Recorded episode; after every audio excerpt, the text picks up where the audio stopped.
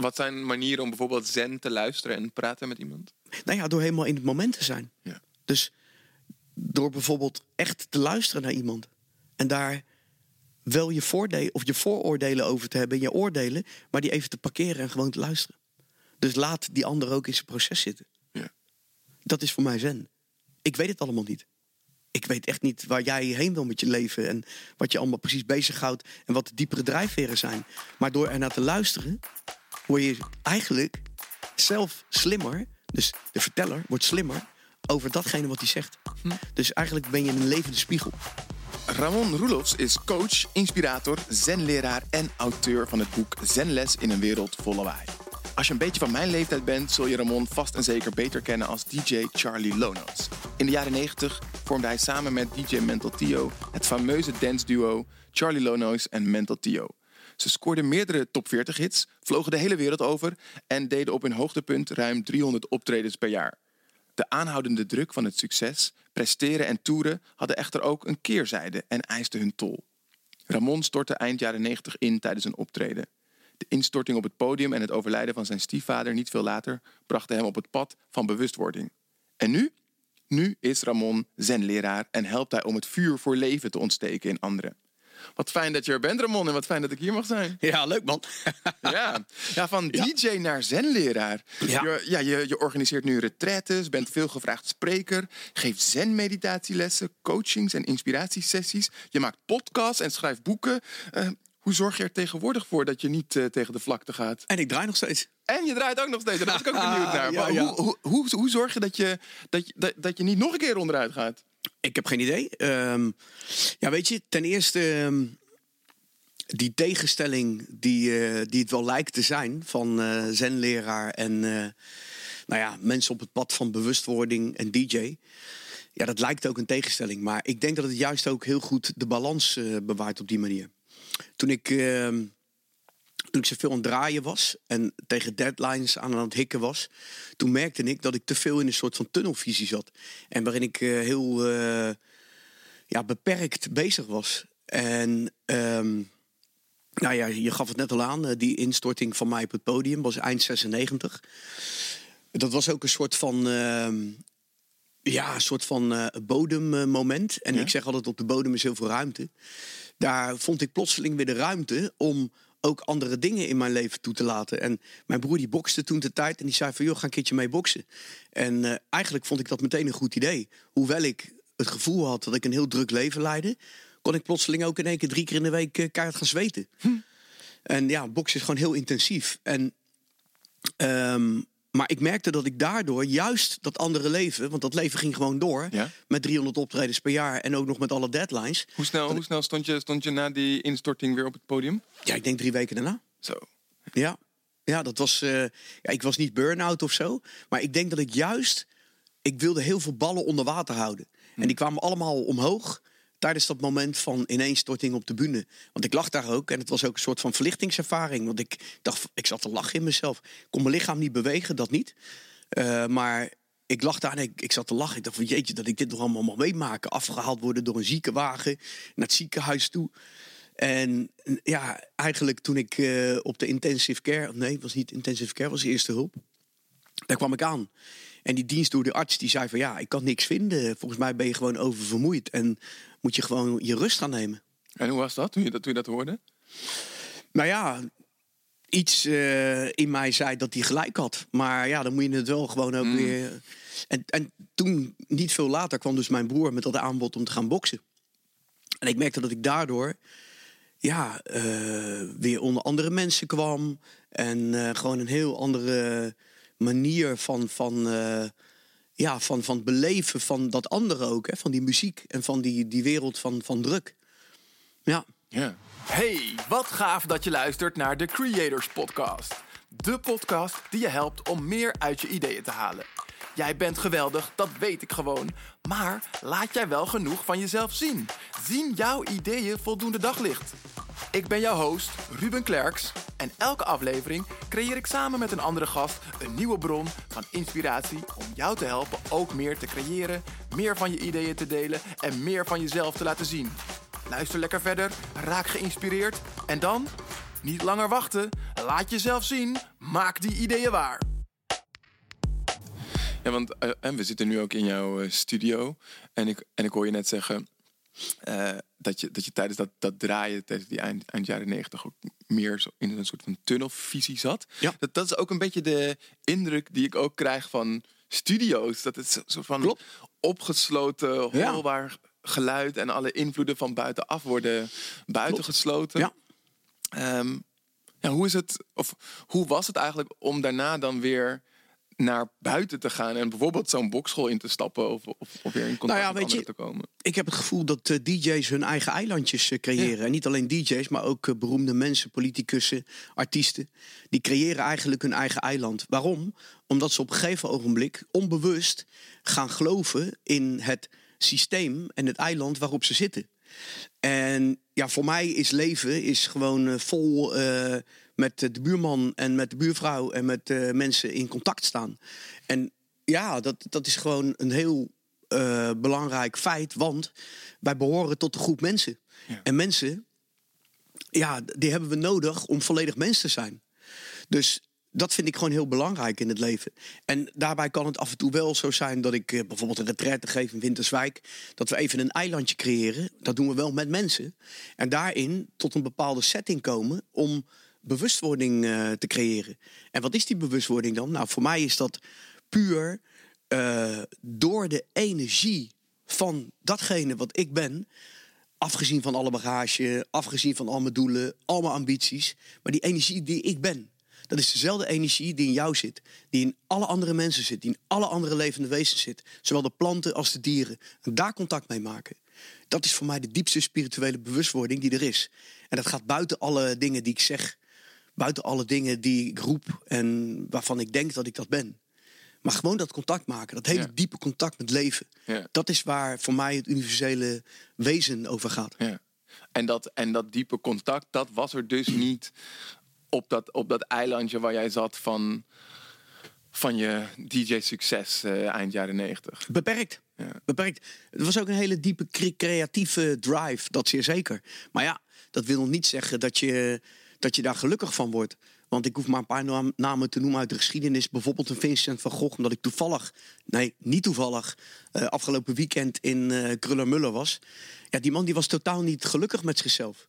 En uiteindelijk ja, zo creatief, maar zo afgestompt.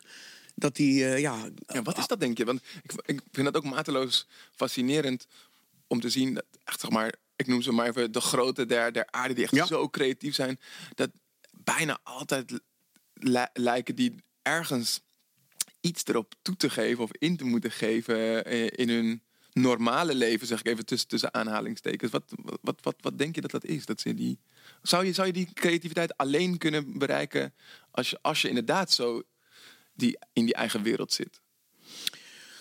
Ehm, ik denk het niet.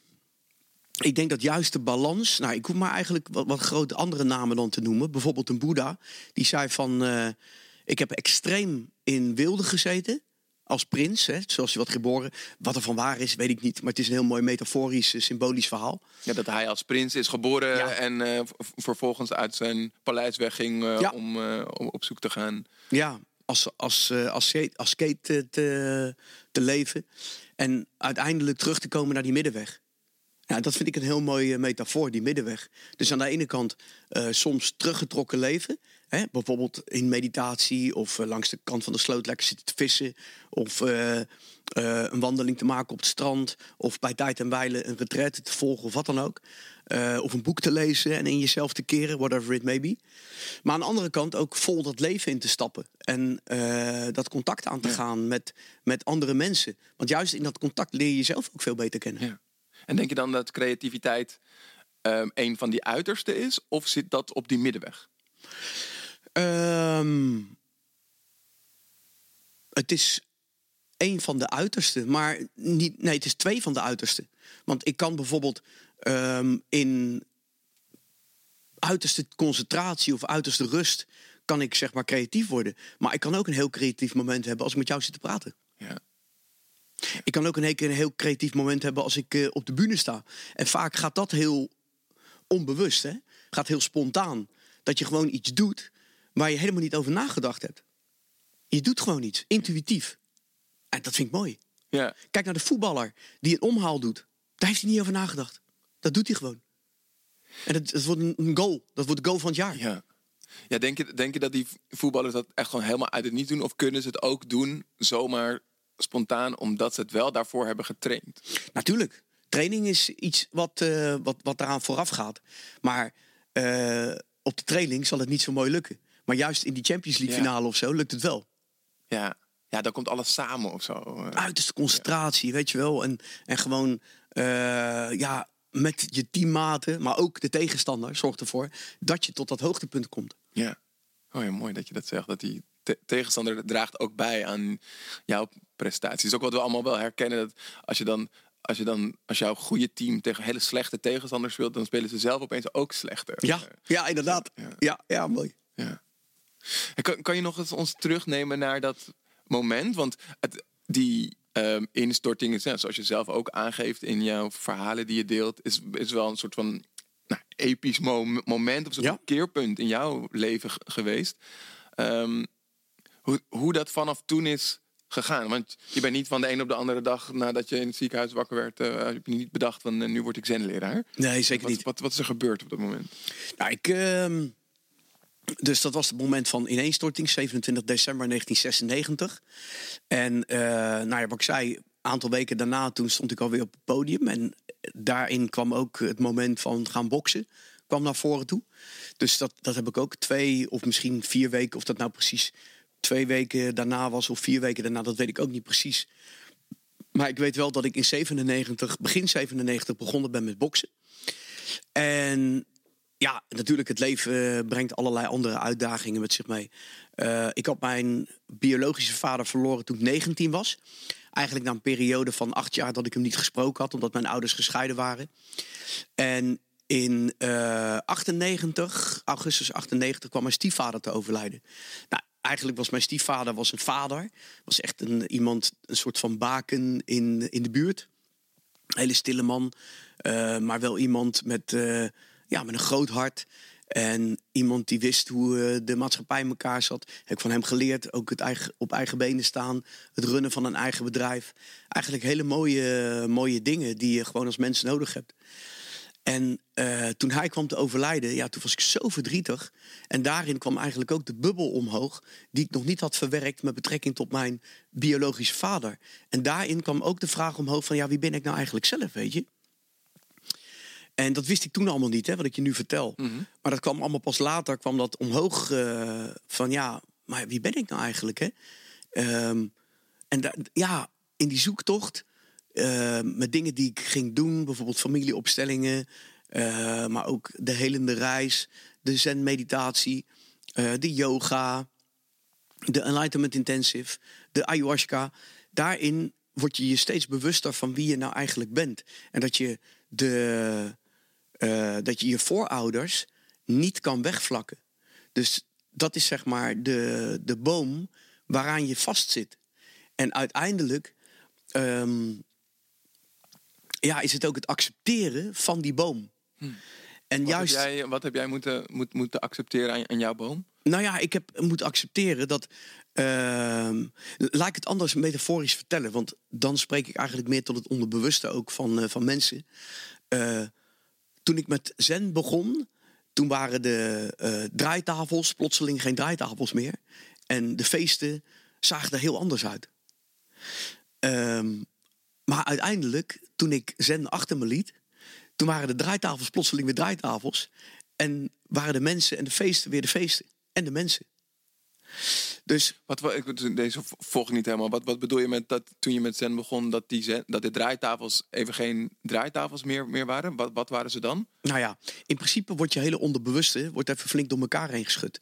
En eh, zen, maar ook allerlei andere eh, trainingen laten je zien dat er eigenlijk nog veel meer is als alleen maar datgene wat je doet. Een van mijn zenmeesters die zei tegen mij, eh, of eigenlijk tegen de hele groep, want het was tijdens een eh, sessie, tijdens een meditatieweek. Hij zei van, als je vastloopt in het leven kun je twee dingen doen. Eén, datgene wat je doet nog veel beter gaan doen. Of iets totaal anders doen, waardoor je iets nieuws leert.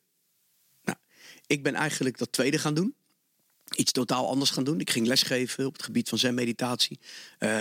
Ik was gewoon DJ, weet je wel. Ik eh, had geleerd om muziek te maken. Eh, dat zat in mijn genen, want mijn vader was drummer in een rockband. Dus met andere woorden, die boom, daar zat ik aan vast. Ja. En Had je, had, je, had je het idee tot die tijd dat jij muzikant, artiest moest zijn? het was een droom, weet je. Het was, was een soort van... Toen ik pas begon met die muziek, dat was, was ik jaar of 13, 14... toen zag ik een beeld voor me. Eh, ik, ik dacht in beelden. Ik zag een beeld voor me en ik zag mezelf zitten in de studio... rommelen met muziek. En daar kwam later het beeld bij, dus spreek ik over een jaar of zo... dat ik mezelf ook zag staan als DJ eh, achter een eh, drive-in show destijds, weet je. ja.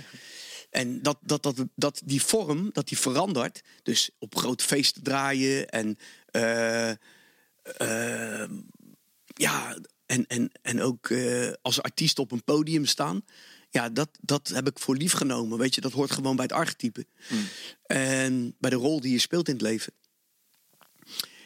Dus ja, en toen op een gegeven moment, toen dat, dat, dat beeld veranderde van. ehm, ja, toen ik de meditatieruimte van mijn leraar binnenkwam lopen en dat ik de man daar in die halve lotushouding zag zitten. En toen dacht ik ook meteen al, dat kan ik ook, dat wil ik ook. Ja? Wist je dat meteen? Meteen. Dat was het beeld dat ik zag. Het beeld dat ik voor me zag was meteen zeg maar de affirmatie, eh, de visualisatie van dat is wat ik ook wil. Heel sterk. We- we- Had je, had je hetzelfde gevoel van her- herkenning of weten als wat je had bij je DJ-droom? Nou ja, heel anders. Maar ik zag zeg maar dat die diepe rust die die man uitstraalde. En die rust die die houding ook uitstraalde. En ook eh, zeg maar de leidersrol die hij vervulde. Die wilde ik ook doen. Dus ik wilde de leider zijn in die rust. En eigenlijk metaforisch, ook natuurlijk heel symbolisch, zeg maar, met betrekking tot het leven wat ik daarvoor leidde. Ja. Met die hele drukke DJ die alleen maar aan het rennen is. En eh, ja, natuurlijk heel anders. Maar wel ook die typische leidersrol die ik toch altijd wel vervulde, dat ik die ook meteen zag. En wat, wat, wat, wat is het dat, dat dat ook nog dat lijden in zit en dat doorgeven? Want ik kan me heel goed voorstellen dat je als je uit zo'n drukke wereld komt, dat je op zoek bent naar, naar rust Ja. en naar rust vinden. Maar daar stapel jij ook nog op dat jij ook daar een leidende rol in wil nemen. Ja, en dat was eigenlijk heel mooi ook, hè? want eh, ik heb het niet over iets wat ik in een week ging leren of zo. Nee, ik heb het iets over, over, over, over 10, 20, 30 jaar leren, weet je. Dus voor mij was daar iets heel moois in besloten. En ik vind het eigenlijk heel mooi dat ik dat nu zeg. Ik voel het ook in mijn keel als ik dat zeg. Ja. Dus eh, het mooie vind ik dat het is een hele lange termijn. Zen is niet iets wat, en eigenlijk is niets eh, korte termijn. En misschien maar- moet je straks nog even uitleggen wat zen is. Eh, ja, ja, eh, zeker, ja. zeker. Zen is eigenlijk een weg in concentratie, maar ook een weg in beginners mind. Dus die beginners mind, telkens weer die beginners mind kunnen, kunnen zien. En dat is natuurlijk heel moeilijk, want ehm, ja, als je druk in je hoofd bent, is het heel moeilijk om te zien dat je kind nog steeds voor je staat. Maar wat ook, Als, als jou, jou zelf, jouw eigen kind. ja, je eigen kind of een kind. Hè? En daarmee bedoel ik ook eigenlijk je innerlijke kind. Ja, precies. Ja. En daarmee is het ook moeilijk om bijvoorbeeld telkens als je een optreden doet, om weer telkens zeg maar voor die menigte te staan en dus die beginners mind te kunnen bewaren, om telkens weer opnieuw te beginnen en net zo enthousiast Ja. te zijn als dat je altijd bent. Is dat ook dat systeem wat je net noemde, waar veel artiesten in gaan geloven? Dus dat ze juist naarmate ze groter en beter, beroemder worden, dat ze, dus, dat ze die beginnersmind verliezen? Zeker. Ik zie heel veel DJ's en eh, paar uitzonderingen daar. Maar ook heel veel beginnende DJ's zie ik eh, op een podium staan. Dan zijn er foto's gemaakt of filmpjes. En dan zie ik ze niet meer lachen. Dan zie ik alleen maar een hele serieuze blik of zo. En dan denk ik van waar is je kind gebleven? Waar is jouw beginnersgeest gebleven? Waar, waarom zie ik niet die blijheid ervan afstralen? Die, die power? Waarom zie ik geen twinkeling in je ogen? En dat betekent, dat kan twee dingen betekenen. Of je hebt er geen zin meer in, of je had er nooit zin in. Of je, bent, eh, je hebt jezelf een imago aangemeten, waarin je een soort coole, coole kikker begint te worden of zo, weet je wel. Nou, en dat, dat is iets wat ik eh, niet kan begrijpen. Nee? Nee. Want, want dat werk doen zonder er plezier in te hebben, dat kan niet. Ik vind dat je, als je daar staat, dan voor mijzelf wil ik. Het lukt me ook niet altijd, hè? Ik bedoel, eh, dat, daar wil ik even heel duidelijk in zijn. Maar ik denk 90% van de optredens die ik doe, dan sta ik daar met volle power, met volle overtuiging en met vol die twinkeling in mijn ogen. En is het niet bij het eerste plaatje, dan is het wel bij het tweede plaatje. dan heb, voel ik nog steeds die passie en dat vuur voor datgene waar ik op mijn dertiende voor gekozen heb. En hoe doe jij dat? Dus wat doe jij dat je, dat je die passie en plezier steeds weer terugvindt? Ik doe minder. Ja. Minder, minder optredens? Ja. Of doe je ook minder hard je best tijdens Nee. een optreden? Nou, beide. Ik doe minder eh, optredens en ik probeer ook niet daar alles eruit te halen. Ja. Ik ga gewoon heel ontspannen, ga ik zo'n optreden in. En dan voel ik dat dat vuur vanzelf wel weer oplaat. Omdat in principe in mij zit gewoon datgene waar ik al heel jong voor gekozen heb. Hoe dichter bij die bron en je al heel snel zeg maar weet wat je wil in het leven. Ja, hoe, hoe meer volgens mij dat hetgene is wat je bliss is. Ja. ja. Want wat voor muziek maak je nu? En wat voor, wat voor op, optreden doe je nu? Happy hardcore. Heb je hardcore? Ja, ik, ik maak nog steeds die dynamische muziek. Dat houdt mij nog steeds zo jong. ik vind het zo fijn om, om daar te staan en, en te dansen. En een uur lang die fitnessoefening te doen. En met z'n allen lekker los te gaan. En in dat, in dat ritueel te komen van het loslaten, het dansen, het, het, eh, het, het, het, eh, lichaamswerk, zeg maar. Vind, ik, vind ik geweldig. Grappig, zo heb ik er nog nooit naar gekeken. Dat, dat happy hardcore ook eigenlijk misschien wel een hele goede manier is om het even oneerbiedig te zeggen. Om onze Nederlandse harkerigheid toch ook een soort van beweging te geven. En daarmee los te kunnen laten. Ik zal het even anders zeggen. Nederland in beweging. Ja, ja dat, dat, dat- zo heb ik er nog nooit eerder naar gekeken. Nice. Het is niet, niet heel anders. Kijk, als je. Het wordt op een gegeven moment heel makkelijk als je de, de taal van de symbolen gaat kennen. En als je ook de. de ja, de, de diepe archetypische betekenissen van de rollen die we spelen in het leven gaat, gaat zien. En dat is moeilijk. Want Want, taal, want over, over wat voor symbolen heb je het? Bedoel je symbolen in de, in de muziek? Of? Nou ja, ik heb het over de symbolen die we alledaag zien. Kijk, kan jij bijvoorbeeld een symbool noemen die je eigenlijk dagelijks ziet, maar waarvan je, waarvan je niet bewust bent? Een eh, cirkel. Bijvoorbeeld. Nou, dat is een hele goeie. Eh, iedere dag stap je achter je... Nou ja, niet iedere dag, maar heel vaak stap je in je auto... heb je een stuur in je handen. Het stuur is Ja. een cirkel en symboliseert ook dat je dus kan sturen... met die cirkel naar waar je naartoe wil. Nou, je zit hier in een studio. Daar voor je zie je boksen. Daar zit een, een, een speaker in. Dat is ook een cirkel. Ja, De cirkel waar je in zit te praten. De microfoon. Is ook een cirkel. De zon is een cirkel. Zoals wij hem zien, hè? De maan is een cirkel. Die belicht wordt door de zon. Dus daar ligt een hele diepe betekenis ligt, ligt, er, in die cirkels, in die symbolen. En eh, het symbool, zeg maar, eh, van eh, dat ritueel wat we opvoeren met het dansen, ja, is voor mij niks anders als de sjamaan die daar zo mensen begeleidt in het diepe, diepe, dampende, eh, vurige ritueel van dansen om een kampvuur. En waarin we loskomen van onze shit. En waarin we dieper komen en waarin we gaan zien. En waarin we zeg maar in onze eigen diepe blijdschap Ja. terechtkomen. Als ik het zeg tegen jou, word ik helemaal eh, enthousiast en helemaal. eh, ja, Ja, en, en wat maakt dan dat het, dat het de vorm, dat, dat dit ritueel de vorm van happy hardcore heeft? Wat, wat maakt happy hardcore als muziekstijl of genre dan zo speciaal hierin? Nou ja, het is een heel ehm, dynamisch proces, happy hardcore. Eh, heel snel. En eh, niet heel anders, zeg maar, als langzame muziek. Maar de langzame muziek heeft weer een andere functie. Zeg maar bijvoorbeeld eh, dingen van Bach of zo kunnen heel dramatisch zijn. En de tegenhanger, Mozart, was weer heel vrolijk. En Vivaldi ook. Dus zeg maar, die, die stijl van happy hardcore is heel vrolijk, zeg maar de Mozart. Terwijl bijvoorbeeld eh, ehm, eh, dramatische ehm, trance kan weer zeg maar de Bach zijn. Of de Beethoven. Ja. En allebei zijn ze goed, zoals ze zijn. Allebei hebben ze functie. En de functie van happy hardcore is beweging en Blijheid. loslaten. Blijheid, ja. vrijheid, eh, re- rebels. Want ja, dat was het ook, hè. Happy Hardcore was gewoon een stroming die fucking rebels was, joh. Gewoon, eh, wij in de jaren negentig maakte die muziek op de Nederlandse radio. Daar, je toen de tijd had je Hilversum 1, 2, 3 en 4. En daar was een strikt format. Er mocht niet van worden afgeweken. En het leuke was dat tijdens de arbeidsvitamine, over een strikt format gesproken... Uh, daar werd de allereerste Happy Hardcore plaat gedraaid. Bij uh, Jaap de Groot was de samensteller. Hans Schiffers was degene die het presenteerde. En daar werd Happy Hardcore voor het eerst gedraaid. En toen was het Hek van de Dam. En nu is EDM, zoals het toen de tijd nog niet heette, maar nu wel, is, is, niet electronic dance music. Ja, is niet meer weg te denken van de Nederlandse radio en televisie. Ja, eh, ja ik, ik, ik ben zo benieuwd naar wat, naar die periode ook, want het heeft ook iets patroon doorbrekends dus eigenlijk. Zeker. ja, eh, ik hou van rebellen. Ja. En wat, want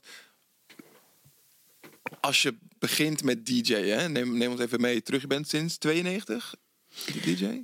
Ja, nee, eerder al. Sinds uh, ehm, 81, denk ik. 81. Ja, 81. Uh... 92 was, was wel je doorbraak, toch? Of nou ja, ja, ja, 91 ben ik weer begonnen. Toen kwam ik bij de marine vandaan. Dus ik ben in uh, eh, 88 bij de marine gegaan.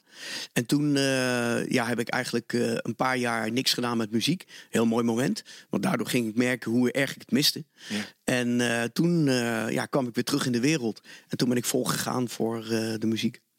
En dan, en dus dan zit je zo in 90, 91. Um, en bestond Happy Hardcore toen al? Uh, nee, nee, je had toen, uh, ja, je had toen de, dat was al eerder hoor, je had de acid, de new beat, uh, je had de hip house uit Chicago, Detroit deep house en dat soort dingen. dus dat was wat er eerst was. En op een gegeven moment kwam daar wat, wat commerciëlere vibe in, zoals je bijvoorbeeld Technotronic had destijds. En dat was wat je, dat, dat was hetgeen wat je had. En ja, ik verdiepte me volledig in die muziek. Ja. En uh, ja, er was geen internet. Dus ik moest het hebben van seminars. Uh, eens in, de, in, in, het jaar in Utrecht in de jaarbeurs. En uh, van contact houden met ja, de grote van Nederland. Lex van Koevoorde. destijds had je... Heet die? Ben Liebrand en zo. Nou, Ben Liebrand was voor mij de god, weet je. Dus daar, die heb ik toen de tijd misschien maar drie keer of zo ontmoet. En maar ja, daar keek ik naar. Dat waren mijn voorbeelden. En, en, en waar kwam dan Happy Hardcore vandaan? Ik ben benieuwd naar, mhm. de, naar, naar het ontstaan daarvan en, en de aantrekkingskracht die het op jou had. Ja, nou, de, de naam heb ik niet verzonnen. Uh, Theo en ik hebben die stroming wel uh, gemaakt, zeg maar. Maar de naam hebben we niet verzonnen. Wij uh, reisden al heel snel over de wereld samen. Ik ging met Theo samenwerken in 92. En ja, wij hadden meteen een hele goede chemie. Totaal verschillende personen, maar een hele goede chemie. En ja, wij draaiden al heel snel eigenlijk over de hele wereld, behalve in Nederland. In 93 stonden we heel snel in Duitsland al, in Zwitserland, in Oostenrijk. We deden een tour langs de oostkust in Amerika. En daar pikten we die stromingen op. Uh, je had in Duitsland had je de rave. Een, een, snelle variant ook wel van hardcore. Maar dan met heel veel um, ja, hele mooie muzikale, harmonieuze invloeden.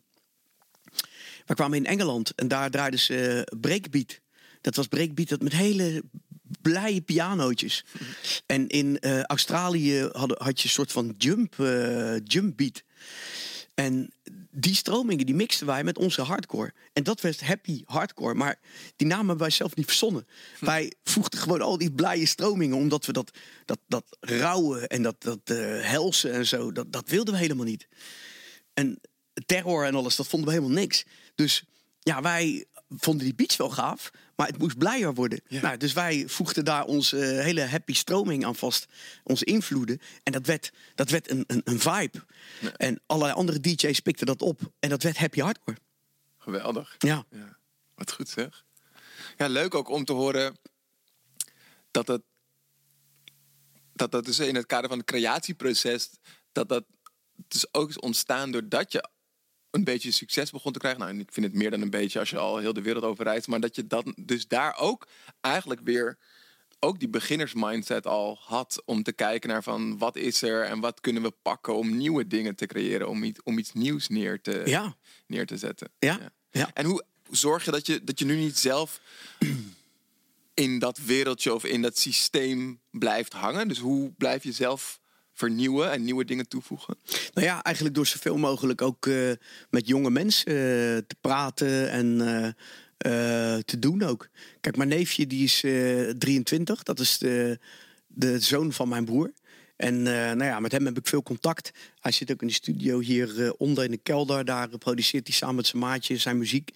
En ja, ik vind het heel tof om te zien hoe hij allerlei invloeden van vroeger in zijn muziek verwerkt. Ja. En door met hem uh, dingen te doen en uh, te praten en te kijken ook. En ja, blijf ik zelf op de hoogte van wat er in die hele jonge scene ook uh, allemaal aan de gang is. Ja, ja. Wat zijn, wat, wat zijn volgens jou nu dingen die in de muziek zien gaande zijn waarvan denkt, daar, daar moet je op letten, dat gaat iets worden? Um, nou ja, ik zie dat, dat zeg maar die jonge garde, dat die uh, vooral kijkt naar de oude garde. Maar dat ze nog verder gaan. Dat ze dus zeg maar liedjes uit de jaren zeventig uh, erbij pakken. En die dus in die hardstyle verwerken. En dat vind ik heel tof. Dat vind ik gewoon heel stoer dat ze dat doen. Um, en niet zozeer dat ze die liedjes pakken, maar dat ze ook gewoon zeg maar dingen uh, zoals de, de, de synthesizer technieken uit die uit de jaren 70 pakken. En die dus in die hardcore hm. stoppen. Nou, dat vind ik echt heel tof. Wow. Dat had ik nooit verwacht, weet je. En dat vind ik zo verfrissend. En uh, ja, heel veel respect. En dat, kijk, niets is nieuw. Alles is al een keer gedaan. Niks is gewoon nieuw. Maar juist zeg maar het vernieuwende in het nu brengen. Of het oude in het nu brengen. Dat is vernieuwend. Ja. ja. ja. En ook wel mooi op systemisch niveau, waar je, waar je het net over had. Dat het dus ook zien is aan welke boom je groeit, aan welke boom je als muziekgenre groeit en, en, en dat weer terugbrengen. Ja. Vet. Ja, ja, zeker. Ja. En ik, ik heb de hele tijd een soort van plaatje voor me. Ik ben ook beeldend ingesteld. Dat, dat je dus van het ene moment heb je hardcore springen, uh, vol in beweging bent, naar het andere moment dat je in een yoga studio zit, zen meditatie uh, doet speelt er in die yoga studio, ik, ik noem het yoga studio, mm, ja, maakt niet uit. Of dat is. Maar speelt muziek daar ook een rol? Dat kan. Kan. Ja, ik, uh, wat ik vaak doe tijdens uh, meditatiesessies. Ik heb uh, zo'n handpen. Oh, vet. Ja, ja, super vet. Ja, ik ga volgende week naar Casper van der Meulen om hem te interviewen. Oh, leuk man. Oh, superleuk. Kan ook nice handpan spelen. Ja, ja tof. Nou ja, een handpen heb ik. En ik heb een, ja, een, een, een, een rammer drum. En uh, dat zijn intuïtieve instrumenten. Daar hoef je eigenlijk ook niet voor te kunnen spelen. Om daar geluid uit te halen wat gewoon oké okay klinkt, weet je. Ja, dus wat ik vaak doe is uh, die beginners mind daarin terugbrengen ook in die sessies. Door gewoon geluiden te maken tijdens een meditatiesessie. Niet dat ik daar een liedje ga afdraaien, mm -hmm. uh, een populair liedje of wat dan ook. Maar gewoon sferen neer te zetten. En zo doen die mensen uit hun dagelijkse routine te halen. En gewoon alleen maar klanken te laten horen, zodat ze die rust weer ervaren. En eigenlijk zit daar ook al direct in bewaard dat je er gewoon mag zijn, weet je. En dat je gewoon doet, gewoon creatief bent, weet je. En gewoon spontaan. Ja, dat klinkt ook alsof het ook voor jezelf een manier is om te ervaren dat, dat je er mag zijn. Dus, dus ongeacht van of je al een heel voorgecomponeerd muziekstuk hebt. Zeker. Dat je gewoon kan beginnen met geluid maken. Ja, nee, zeker. Weet je, ik doe het ook voor mezelf. Hè. Ik, bedoel, ik zit daar niet uh, alleen maar voor die groep. Maar ik doe het ook voor mezelf. Die geluiden maken vind ik gewoon hartstikke tof om dat te doen.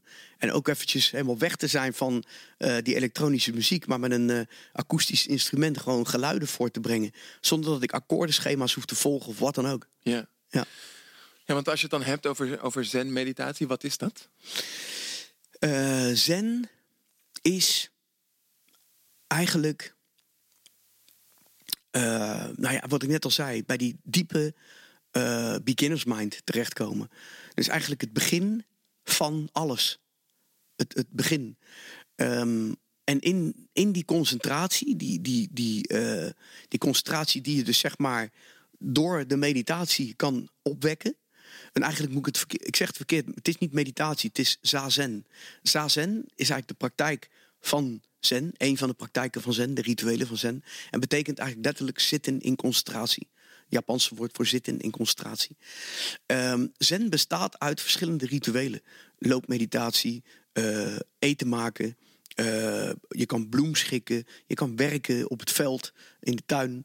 Ehm, je kunt eh, eh, zwaardvechten, kendo, ehm, boogschieten.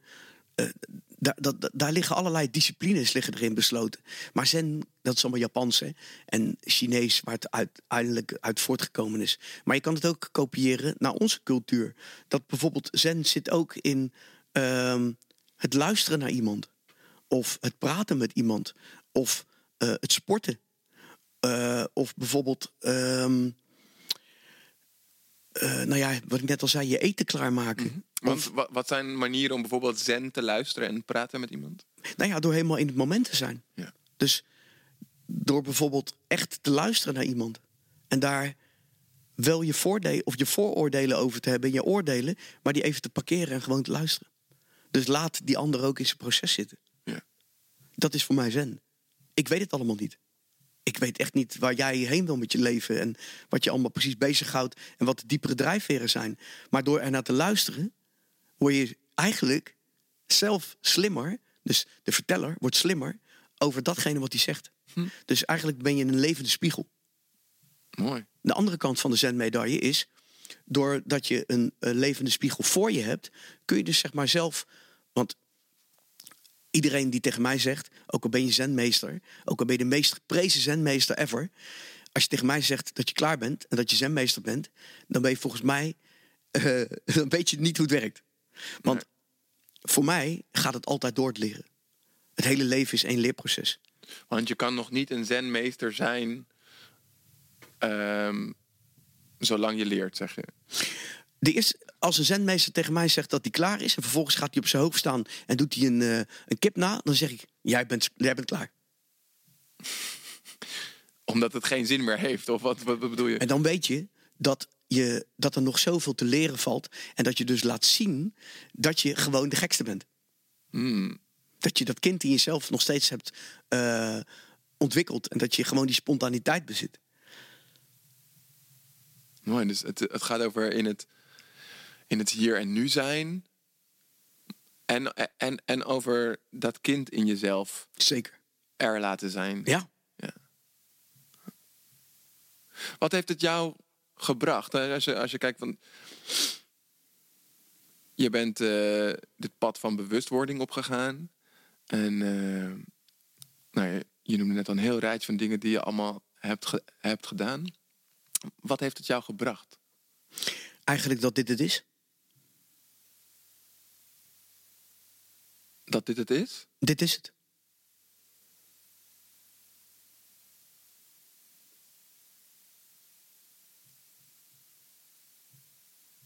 Kan je, kan, kan je daar nog iets meer over zeggen? Hoorde je die stilte net? Ja, ja, ja. Dit is het. Dat is het stilte. Het is niet de stilte. Maar in de stilte ligt besloten wat hier gaande is. Dus die hele diepe stilte die je net voelde, dat is waar het over gaat. Ik geef Enlightenment Intensives en Insight Intensives. En dat is een proces waarin je dus, wat ik net al zei, waarin je eh, in diades telkens wisselt van rol. De ene keer bij de verteller, de andere keer bij de luisteraar. Dat is een heel mooi proces.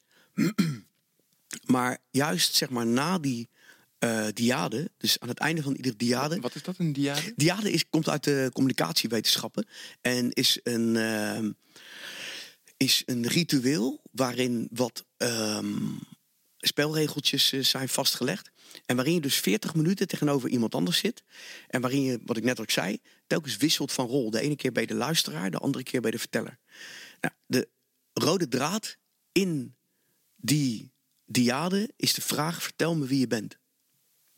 Ja, wat er dus gebeurt is dat je jezelf telkens laat uitvragen door de ander. Mm, mooi. Maar die ander is de levende spiegel, is de luisteraar. Die twee rollen, dus de luisteraar en de verteller, de meester en de leerling, die liggen in onszelf besloten. Altijd. En je wisselt heel snel, binnen 4,5 minuut, telkens van die rol. Dat is het enige wat je doet gedurende drie dagen lang. Zo. Maar na iedere diade is er ook een korte meditatie. En juist in die meditatie van een minuut of twee minuten, daar ligt een hele diepe stilte ligt daar bewaard.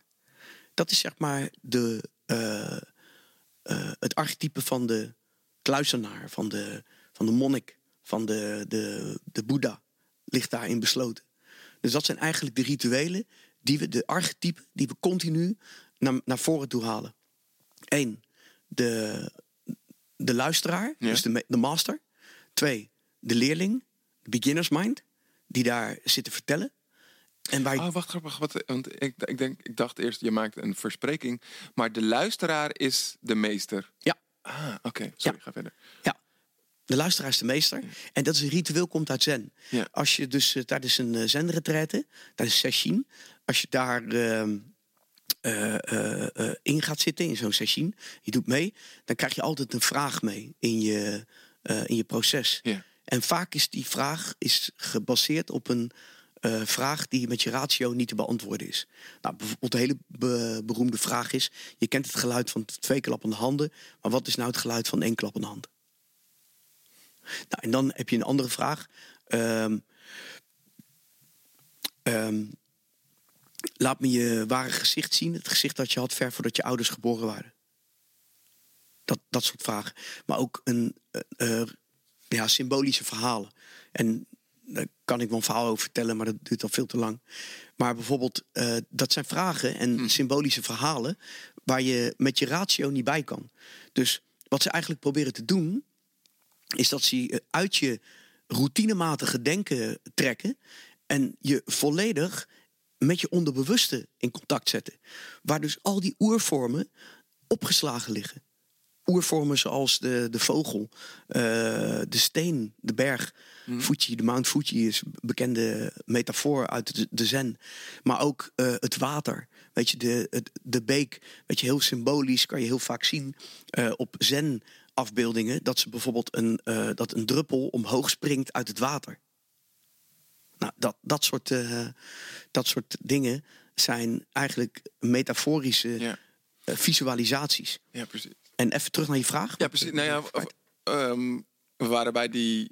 Je was die archetypes aan, aan het noemen. Dus dat ja. de luisteraar. En de vraag was van. Wat is nou eigenlijk zen? En die stilte. Ja, ja. ja die stilte. En die stilte uh, is dus zeg maar het niet weten. Ja. Het niet weten. Het helemaal stilvallen. Wat regelmatig gebeurt tijdens een intensive. Mensen vallen helemaal stil. En daarin ligt besloten, in die stilte. Het, het, het is, een, het, is een, uh, het is een brug. De stilte is een brug. Het is niet het eindpunt, het is brug. Dus het is de brug, zeg maar, tussen samsara en nirvana, noem ik het altijd. En daar aan voorbij. Samsara is de verwarring waarin we zitten. De brug is de stilte. Nirvana is de bewustwording. En Nirvana met een hoofdletter, dat is de overtreffende, overtreffende trap waar je uiteindelijk naartoe gaat. En, en wat is dat waar we, waar we uiteindelijk naar, naartoe gaan? Of kan je dat niet zeggen? Kan je niet zeggen. Kan je niet, uh, kijk, we geven de namen aan, uh, zoals uh, het goddelijke, energie, de Krishna, Christusruimte, Boeddha-natuur. Er zijn zoveel wegen die naar Rome leiden. En ook dat woord, Rome, is ook maar gewoon een woord. Ja, ja. Met weer allemaal associaties. Met allerlei associaties. Weet je, want als ik zeg Rome, ja, dan zie je gelijk het Vaticaan voor je, de paus en allerlei andere dingen. Dus wij werken natuurlijk met beelden. En dat is heel belangrijk. Dat is super belangrijk. En juist daarin zeg ik: dit is het. Dit is het. Je mens zijn. En dat is ook waarom ik zeg: Zen. Um, zorg ervoor dat je bovenkamer flink wordt opgeschud. Dat je flink in de war raakt. Ja. En dat is nodig om je systemische denken, wat maatschappelijk ingegeven is. En wat ook ingegeven is door de sociale groepen. En door, nou ja, datgene wat wij mensen waar wij mee bezig zijn. Om dat vreselijk op te schudden. En te weten dus dat er een hele andere laag is. Hm. Grappig, want mijn associatie bij, bij Zen is rust en kalmte. Maar eigenlijk zeg je ook dat je, dat je eerst die staat van verwarring door moet gaan. Die misschien helemaal niet als rustig uh, nee, nee, totaal niet. Totaal niet. Die staat van verwarring is eigenlijk um, de staat waarin je dus op een gegeven moment het gewoon helemaal niet meer weet. Ja. En dat heb je nodig om tot de volgende stap te komen. Ja. Wat voor, wat voor verwarring heb jij ervaren? Waar, waar heb jij doorgegaan? De grote verwarring. Ik heb echt hele grote verwarring ervaren. Ten eerste de verwarring die ik had toen ik. eh, ehm, nou ja, in ehm 96 tegen de bühne ging. Of tegen de vlakte ging op de bühne. Ehm, maar ik heb ook verwarring ervaren tijdens, eh, tijdens mijn werk als eh, meditatieleraar. Dat ik op een gegeven moment buiten liep hier zo bij de haven. Ik had toen een eigen school hier in de buurt.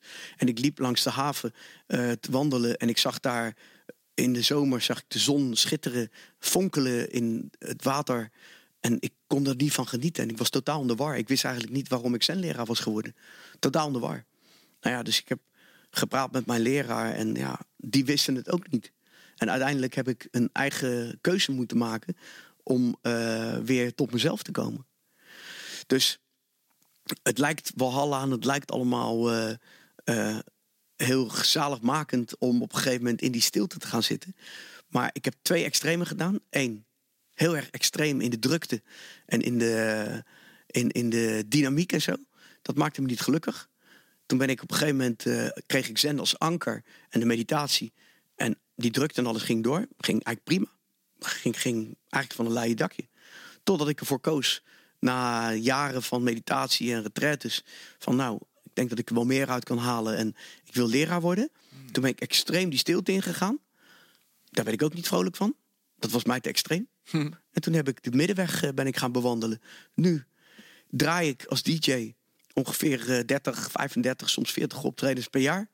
En geef ik eh, meditatiesessies, eh, geef ik eh, als invalkracht yoga, eh enlightenment intensives, eh, doe ik mijn eigen meditaties, lees ik boeken Ja. en bewandel ik die middenweg. Ik vind het zo grappig, want nu ik zo met jou praat, klinkt het als een volkomen logisch verhaal. Dat je, dat je die twee combineert, de dancemuziek en eh, zen.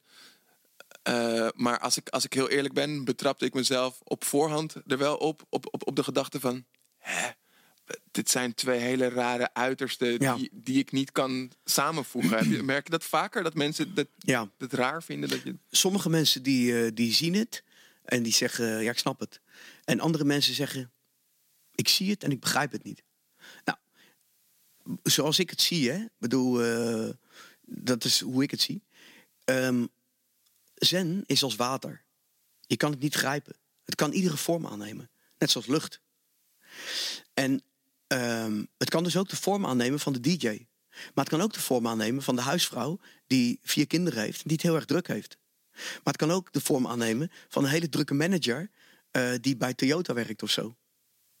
Niet toevallig zeg ik Toyota, want heel veel CEO's bij Toyota, Kawasaki, Sony, Akai, eh, Japanse bedrijven, die stammen van samurai-families af. En dat zijn allemaal, samurai is gelieerd aan zen. Ja. Want ik, ik merk van dat, ehm, dat, dat dat plaatje van wat dan ergens voor mijn gevoel misschien in eerste instantie niet, niet klopt, maar nu ik met, met, met jou praat en jou, jou zo, zo hoor, helemaal kloppend vind, dat dat dus ook voortkomt uit ehm, een soort van containers of labels die we, die we aan iets hangen. Dus wat, wat maakt nou dat, dat als, ik, als ik een DJ zie. Hokjes. Ja, precies. Dat ik denk van, nou ja, maar daar, daar kan geen zenleraar in hetzelfde eh, hokje. Dus het heeft allemaal te maken met ja, dus eigenlijk de aannames die we zelf hebben. Eh, maar ik heb, ik, heb, ik heb het idee dat jij er helemaal niet mee bezig bent. Nee, kijk, het heeft ook te maken met het beeld wat je van zen hebt. Mensen, jij zei het net al, ik heb als beeld van zen dat je daar ontspannen van wordt. Dat is één van de disciplines van zen, de meditatie. Maar als je een training gaat volgen in een zen-klooster of in een zen-retraite, dan ga je dus zien dat eh, meditatie, de zazen, dus het zitten in concentratie, is eigenlijk een van de rituelen waardoor je eh, ontspannen wordt. Maar het is niet zeg maar het eindpunt van waar zen over gaat. Nee. Dus met andere woorden, je zou eigenlijk meer over zen moeten weten om eh, tot het inzicht te komen hoe ik functioneer. Ja. Ja. En, en, en, en hoe zouden we dat kunnen doen? Ik bedoel, ik ben er wel in, in geïnteresseerd. Hoe zou ik meer, hoe zou, om, om nu te beginnen, eh, meer te weten kunnen komen over zen? Nou ja, je kan het doen. Kijk, voor mij is doen is het belangrijkste. Ja. Als je iets doet, dan eh, weet je ook waar het over gaat. Dus eh, je kan of een keer een tempel bezoeken en daar meedraaien. Japanse tempel. Eh, heb je meedraaien. In... in Nederland ook gewoon. Nederland heb je alleen sessies die worden gegeven in, ehm, eh, in, Japan, in eh, centra. Eh, er zijn geen Japanse tempels hier in, eh, Nederland, die zijn gewoon in Japan. Zen in Japan is veel meer gericht in het bedrijfsleven en wordt ook zeg maar in, eh, nou ja, eigenlijk in het bedrijfsleven veel meer geïntegreerd. De tempels in Japan zijn eigenlijk meer musea geworden. Ehm, maar er zijn nog wel tempels die het op de traditionele manier vanuit de oudheid eh, onderrichten. Terwijl in Nederland, ja, er zijn best wel wat zenscholen die het op een bepaalde manier doen. Maar ik zeg altijd, als je een aantal jaren zen-meditatie gedaan hebt en je hebt jezelf die geest van zen eigen gemaakt, dan is het goed om het vlot waarmee je van de ene kant van de rivier naar de andere kant van de rivier bent gekomen, om dat vlot ook achter te laten op de rivier. In plaats van dat je het op het land mee gaat slepen. Ja, ja precies. Ja, dat is, dat is een vaker ge- gehoord verhaal, toch? Dat, je, Ja, dat mensen dan eigenlijk al lang niet meer aan het varen zijn, maar nog steeds dat vlot aan het meezeulen zijn. ja precies. Ja. Ja. Oké. Ehm, ja, wat ik, wa- waar ik nog aan zit te denken is... Ik vind het zo mooi dat je net zei van dat, dat dit het is. En dat, dat, dat alles hier in dit moment en misschien wel in de stilte besloten ligt. Ehm, en tegelijkertijd zie ik ook jou een enorme drive. En Ja. ik denk ook dat dat deel van je succes ook is. Hoe, hoe combineer je die twee? Dus die, dus die ja, ook die, ook die drive. Ja, ja de drive eh, wordt gedragen door het fundament van de stilte. Dus met andere woorden, eh, de stilte heb ik nodig om die drive te hebben. Maar de drive heb ik ook nodig voor die stilte. Laat ik het anders zeggen.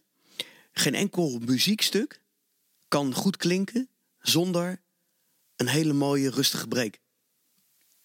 Waarna die drop weer losgaat. Ja, ja, ja. Ja, Ja, ja dus eigenlijk is het, is het net als yin-yang of zwart-wit, Ja. licht, Ja. licht, donker, dat het een niet zonder het ander kan bestaan. Ja. Of dat het van dezelfde medaille. Net als de twee, zijn. net als twee, twee goden uit de Griekse oudheid, Apollo en Dionysus. Ja, Ja, de god van het feest en de god van de harmonie. ja. Oh, mooi. Hey, ehm, we naderen het einde van eh, deze aflevering. Ja, En ehm, ik, ik, ben, eh, ik ben helemaal onder de, onder de indruk van je, man. Ik vind het wel echt vet. Wat ik, wat ik al zei, ehm, het, het plaatje klopt. ja leuk dat je het zegt, maar ik snap ik moet er wel bij eh, zeggen dat eh, de vraagsteller is heel belangrijk in dit proces. Dus degene tegen wie ik praat. En ik merk aan jou ook, zeg maar, dat je de beginners mind hebt. Dat je hongerig bent, dat je wil weten. Dat je, ja, dus het is belangrijk. Nou, Dus dankjewel. Ja, ja. wat top. Ik ben nog benieuwd of je nog... Ja, misschien nog ons, ons even mee wil nemen van hoe jij kijkt naar hoe, hoe de muziekindustrie er nu uitziet. En ik weet dat het misschien een grote vraag Ja. eh, om naar toe te gaan. Maar als je, als je nu kijkt naar jonge DJ's en ehm, eh, ja, hoe zij werken en wat zij nastreven, ehm, heb, je nog, heb je nog tips voor hen? Eh, tips. Ja, volg je hart. Sowieso. Ehm, en ik denk dat ze allemaal heel goed bezig zijn. Ja. Ja, zeker. Eh, laat jezelf nooit vastzetten. Dus denk nooit dat je vast, vaststaat, dat je klaar bent. Blijf altijd gewoon doorgaan. En ehm, ook de professionals, de grote van deze aarde zou ik willen meegeven. Probeer te ontrafelen waarover je jezelf schaamt. En daarin ligt een hele diepe besloten. Ehm, Want Daar- wat zou je daarmee willen, willen doen? Dus, dus als ze dat gaan ont, ontrafelen, waar ze zich voor, voor schamen. schaamte is een emotie die opkomt als je iets doet waar je misschien wel in je hart achter staat, maar waarin je personality zegt dat het een lastig verhaal is om dat naar buiten te brengen. Ah, het is eigenlijk een soort van secundaire emotie, want er, er zit een, een drive of een energie die iets wil doen. Ja. Zie misschien dat juist zeg maar de energie die jij hebt besloten ligt in datgene waarvoor je je schaamt. Ja. Mooi, dat vind ik een hele mooie gedachte. Ja. Daar, ga- daar ga ik zelf ook mee, eh, mee aan de slag. Dat vind ik, dat vind ik een mooie. Dankjewel. Ja. Ramon. Graag gedaan, man. Wil je verder praten en in actie komen over dit onderwerp? Ga dan naar onze website creatorscompany.nl en sluit je aan bij de Creators Community. In de volgende aflevering spreek ik met psycholoog, coach en yogatherapeut Emma Hafkamp over onze mentale gezondheid en onze relatie met geld. Tot de volgende Creators Podcast.